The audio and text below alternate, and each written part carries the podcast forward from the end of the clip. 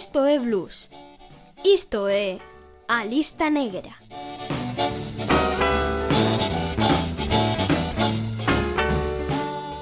Respira, acouga. Chegou o momento polo que levabas agardando toda a semana. Chegou a hora do blues. Abrimos a porta do antro da música honesta e auténtica. Un reduto de resistencia sonora que damos en chamar a lista negra.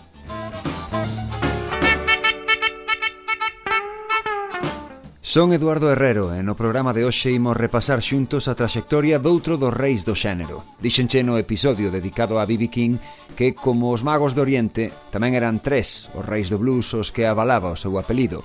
O propio B.B. King, Albert King e o noso protagonista doxe, tamén alcumado de Texas Cannonball, a bola de canón de Texas, Freddie King. A lista negra, Radio Galega Música.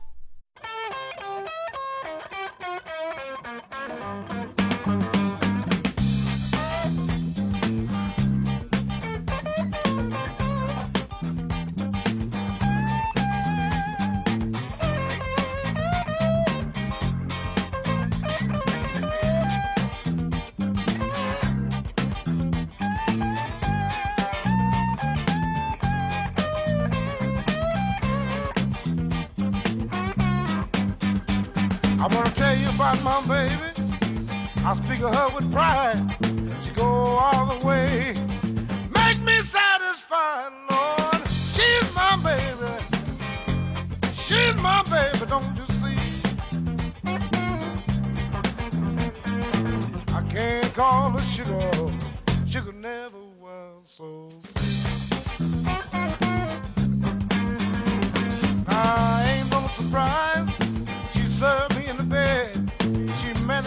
someone else.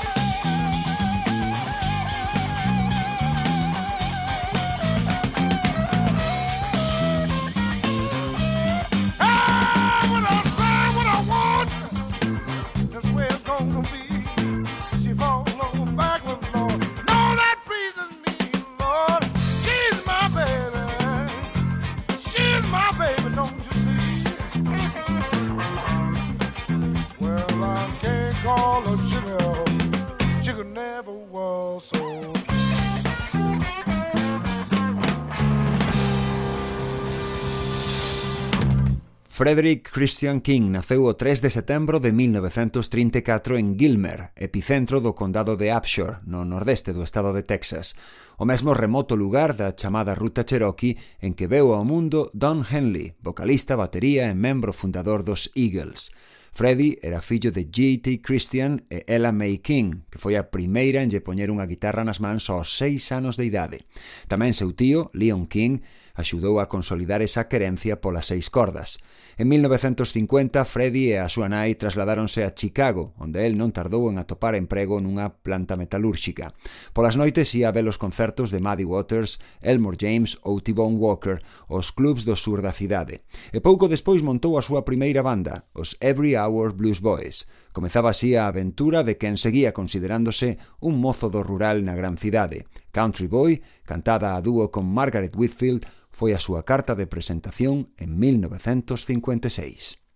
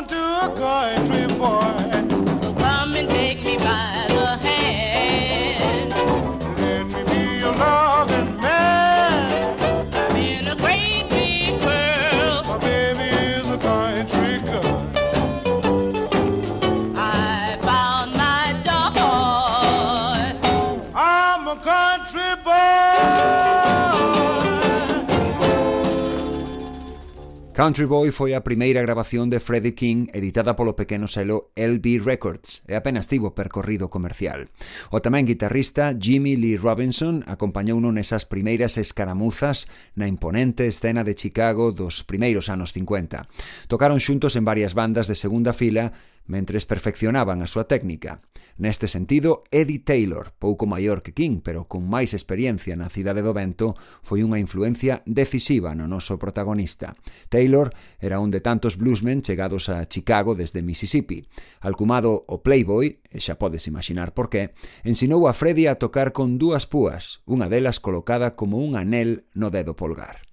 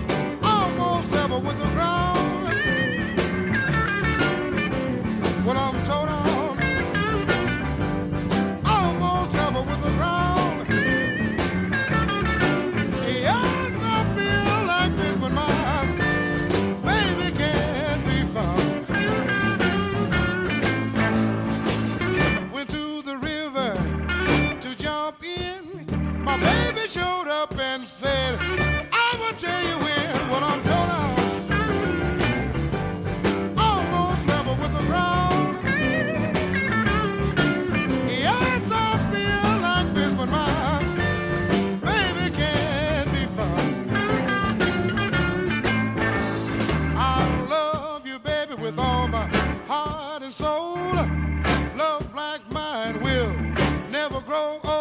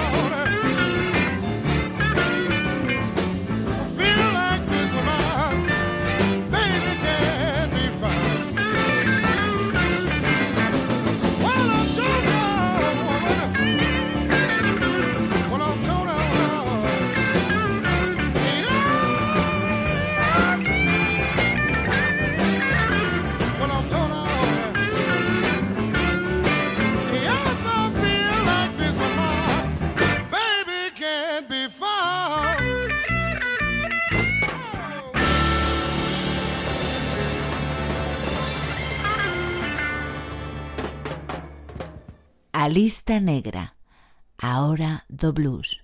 Freddie King soñaba con fichar por Chess Records, o selo dos grandes, o de Maddie, o de Howling Wolf, o de Willie Dixon, pero no mítico número 2120 da avenida South Michigan pensaban que o son de Freddie era demasiado semellante ao do emerxente B.B. King, daquela establecido en Memphis, e que non pagaba a pena apostar por el. Rexeitado por esa elite do blues instalada no sur da cidade, Freddy, que en realidade viña do Texas Blues e non do Delta, estableceuse na zona oeste, onde estaba a agromar unha nova escena de locais de música en directo e pequenas discográficas. En 1960 asinou co selo Federal, subsidiario de King Records, a discográfica rexentada por Sid Nathan, o descubridor de James Brown. O 26 de agosto publicouse o seu primeiro single, que a día doxe é un clásico incuestionable – Alguna vez amaches a unha muller? Have you ever loved a woman? Have you ever loved a woman so much you tremble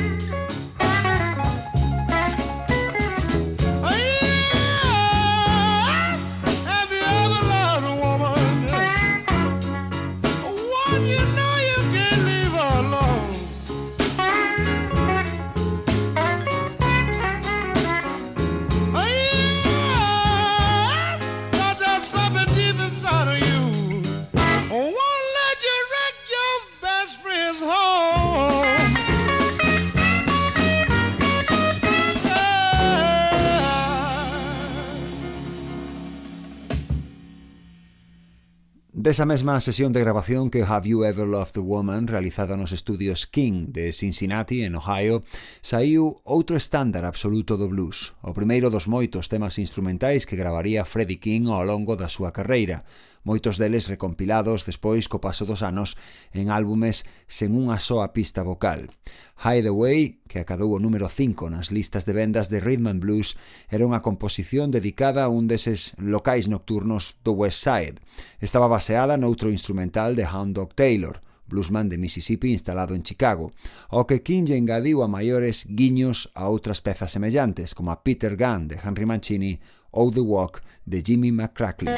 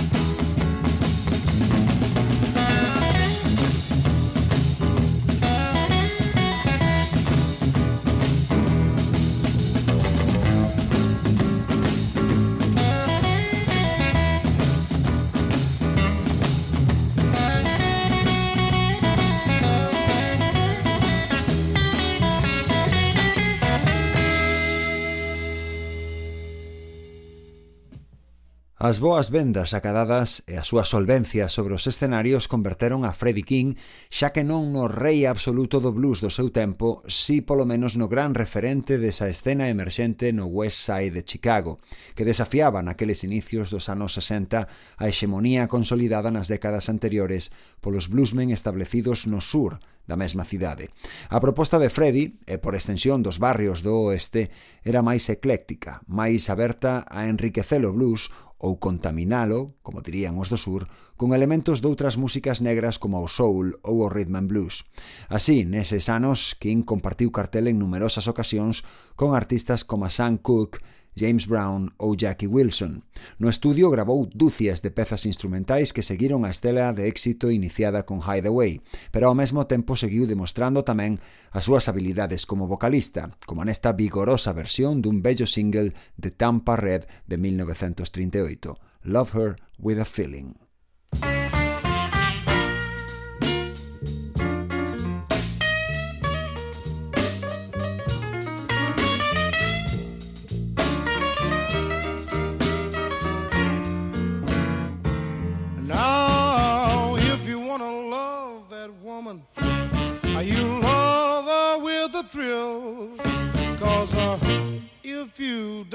don't, uh, some other man will.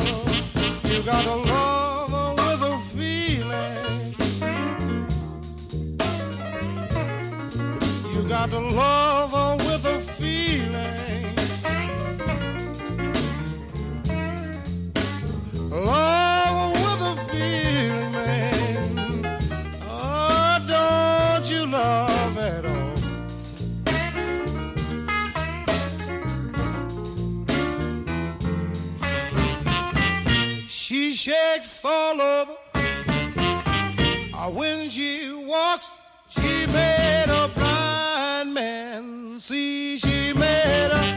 dumb man talk.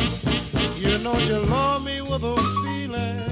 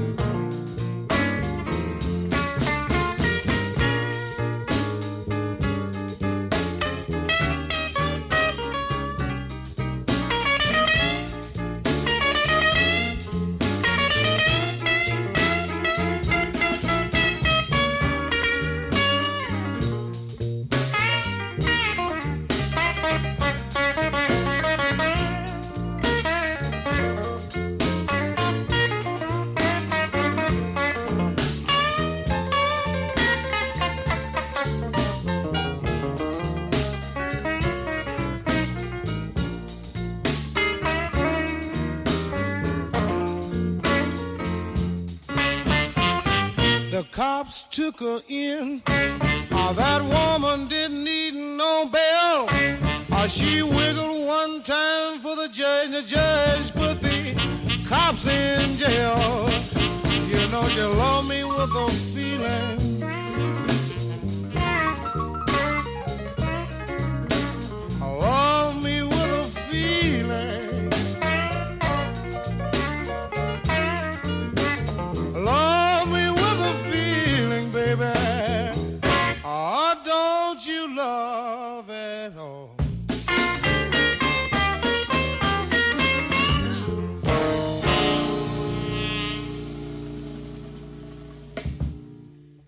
Hi, this is Robert Cray from the Robert Cray Band, and you're listening to A Lista Negra. Freddie King foi labrando un son propio que algúns críticos situaron nun terreo intermedio entre a herdanza texana de Lightning Hopkins, os aires do Delta pasados polo tamiz de Chicago de Muddy Waters e as habilidades melódicas de T-Bone Walker e, por suposto, B.B. King. En 1968, despois dunha aparición estelar no Ann Arbor Festival de Michigan, asinou un novo contrato discográfico con Atlantic Records. O seu primeiro disco con eles, producido por King Curtis, un dos mellores saxofonistas de rhythm and blues de todos os tempos, poñía de manifesto as grandes dotes de Freddie como cantante e tiña un deses títulos que deixan as cousas claras desde un principio. Freddie King is a blues master.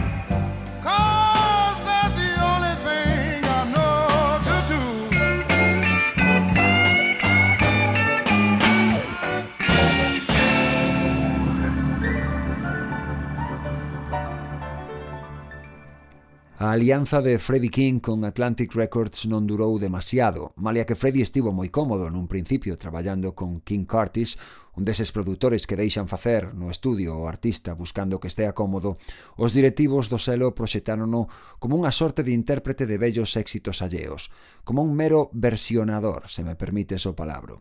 Esa foi a imaxe pola que apostou a discográfica, apoiada na publicación como singles de temas escritos sempre por outros músicos, e Freddie King sentía que era algo máis que iso que a súa capacidade creativa merecía tamén o respaldo dos seus xefes para poder chegar ao público.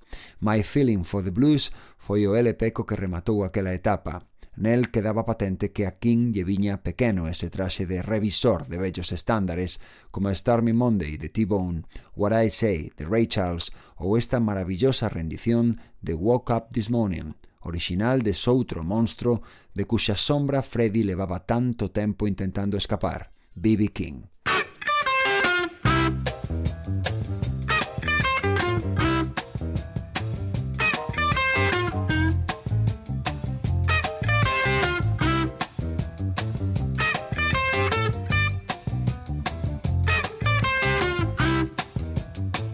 Woke up this morning, my baby was gone. Woke up this morning, my baby was gone. I feel so bad, I was all alone. Ain't got nobody stay home with me. I got nobody stay home with me. My baby, she's gone. I'm in misery. Well, baby, don't you want a man like me? Well, baby, don't you want a man like me? I can love you, baby, better than you used to be. Well,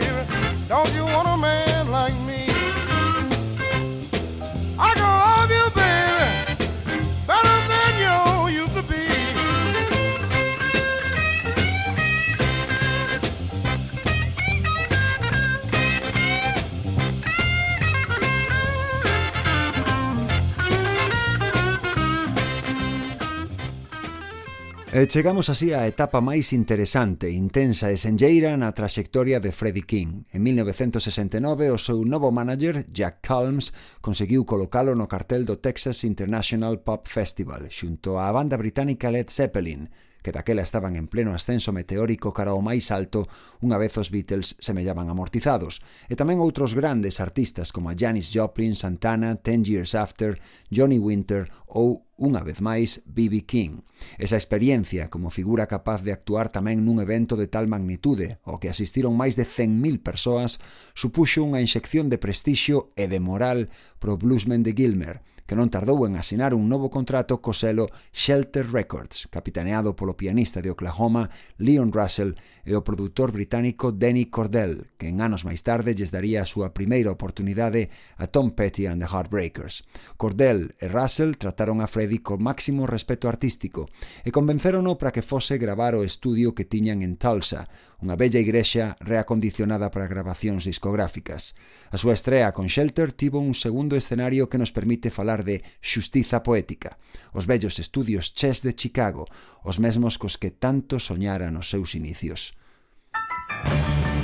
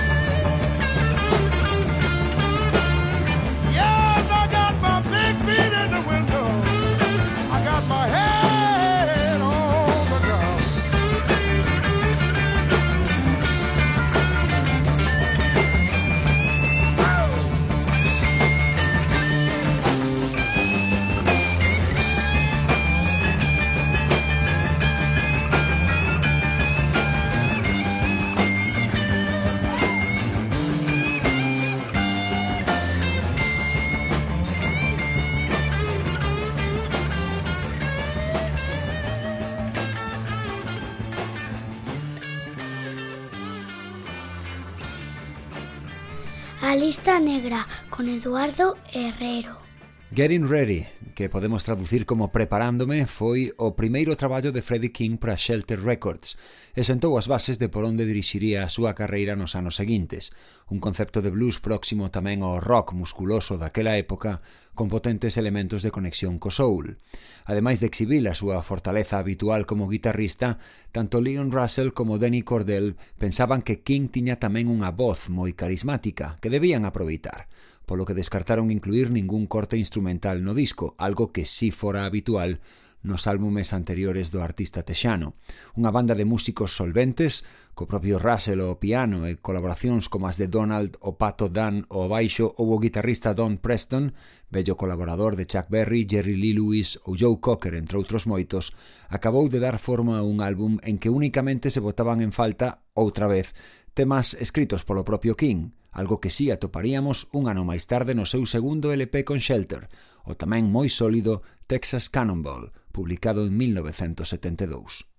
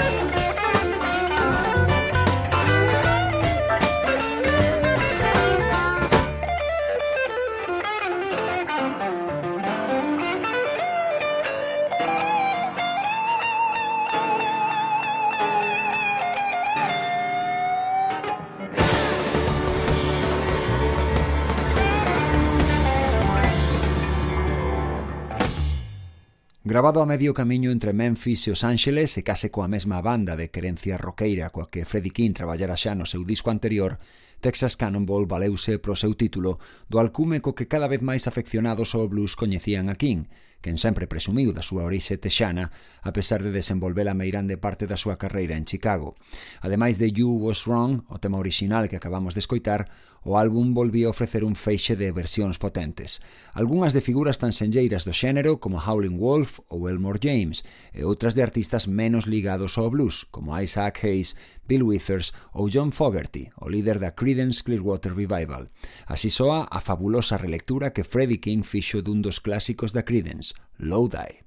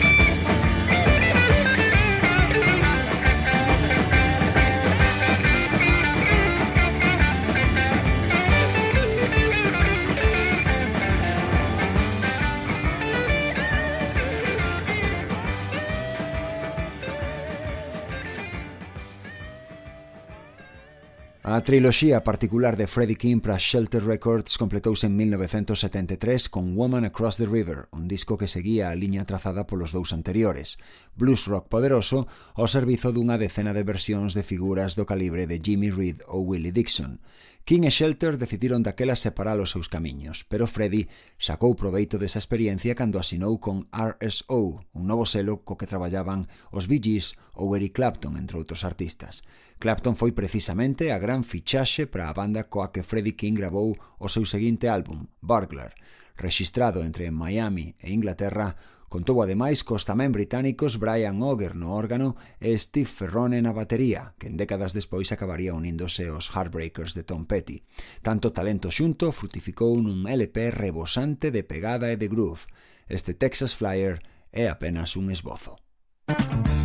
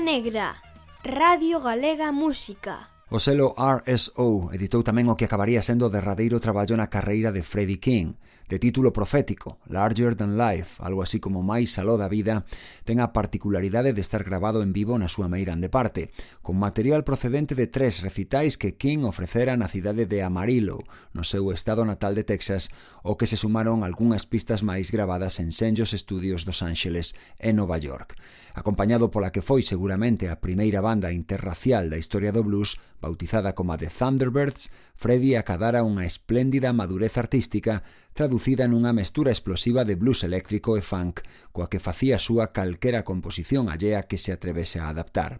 Quizáis o mellor exemplo de todo o álbum sexa esta irresistible Meet Me in the Morning, un blues atormentado escrito por Bob Dylan pro que daquela era o seu disco máis recente, Blood on the Tracks. Atención ao saxo arrollador de David Fathead Newman.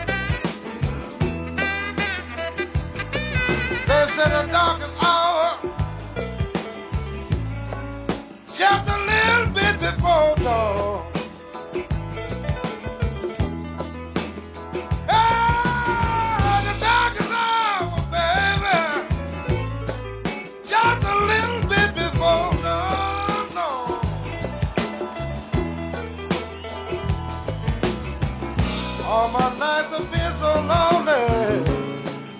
Ever since you've been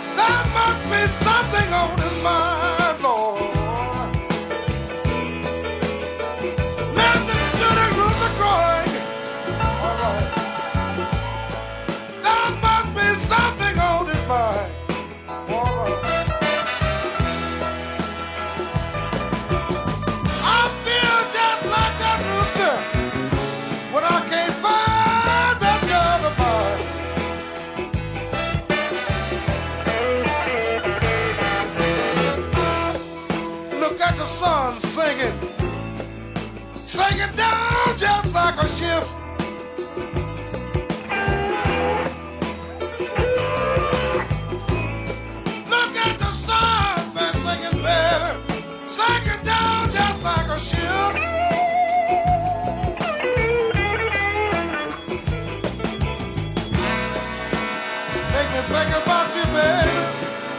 When I'm kissing your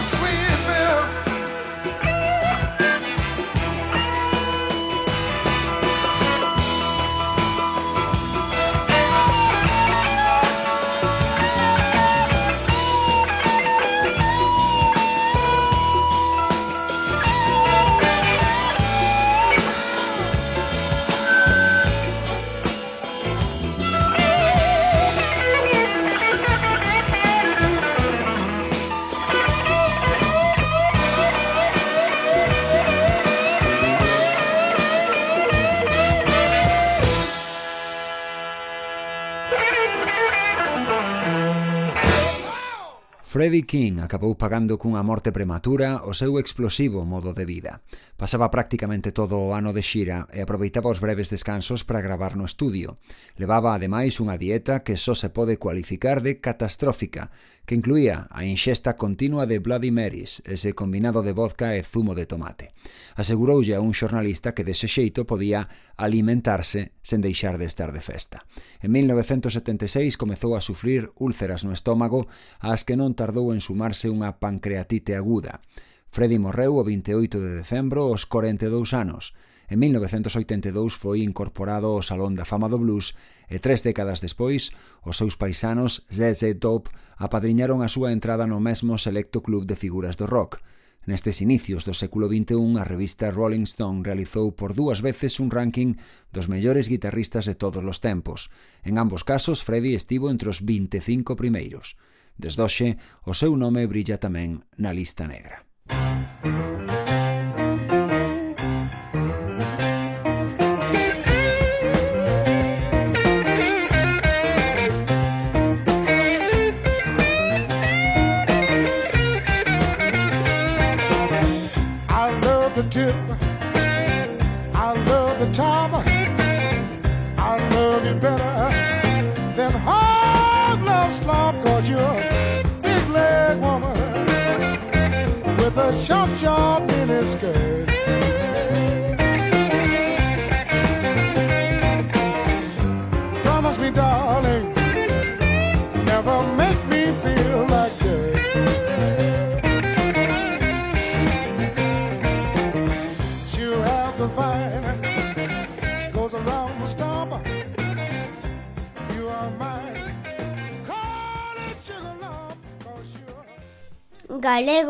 vocalista.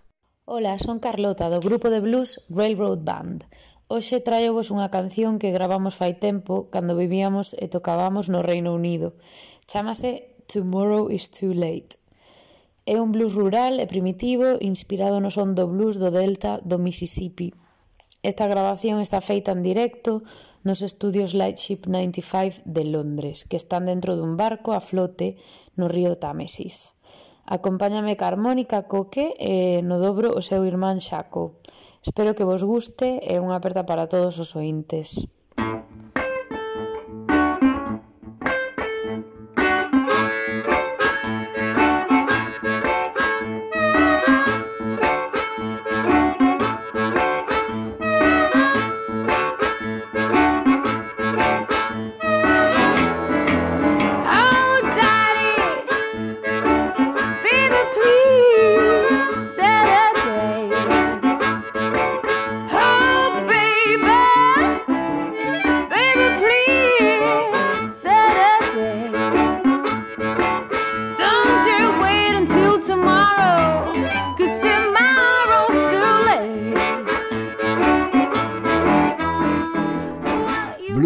90 grabado en Londres por un trío de coruñeses, The Railroad Band, e o que veña detrás que empate se pode. A lista negra non pecha nunca, visítanos e reserva sitio en Facebook e Instagram.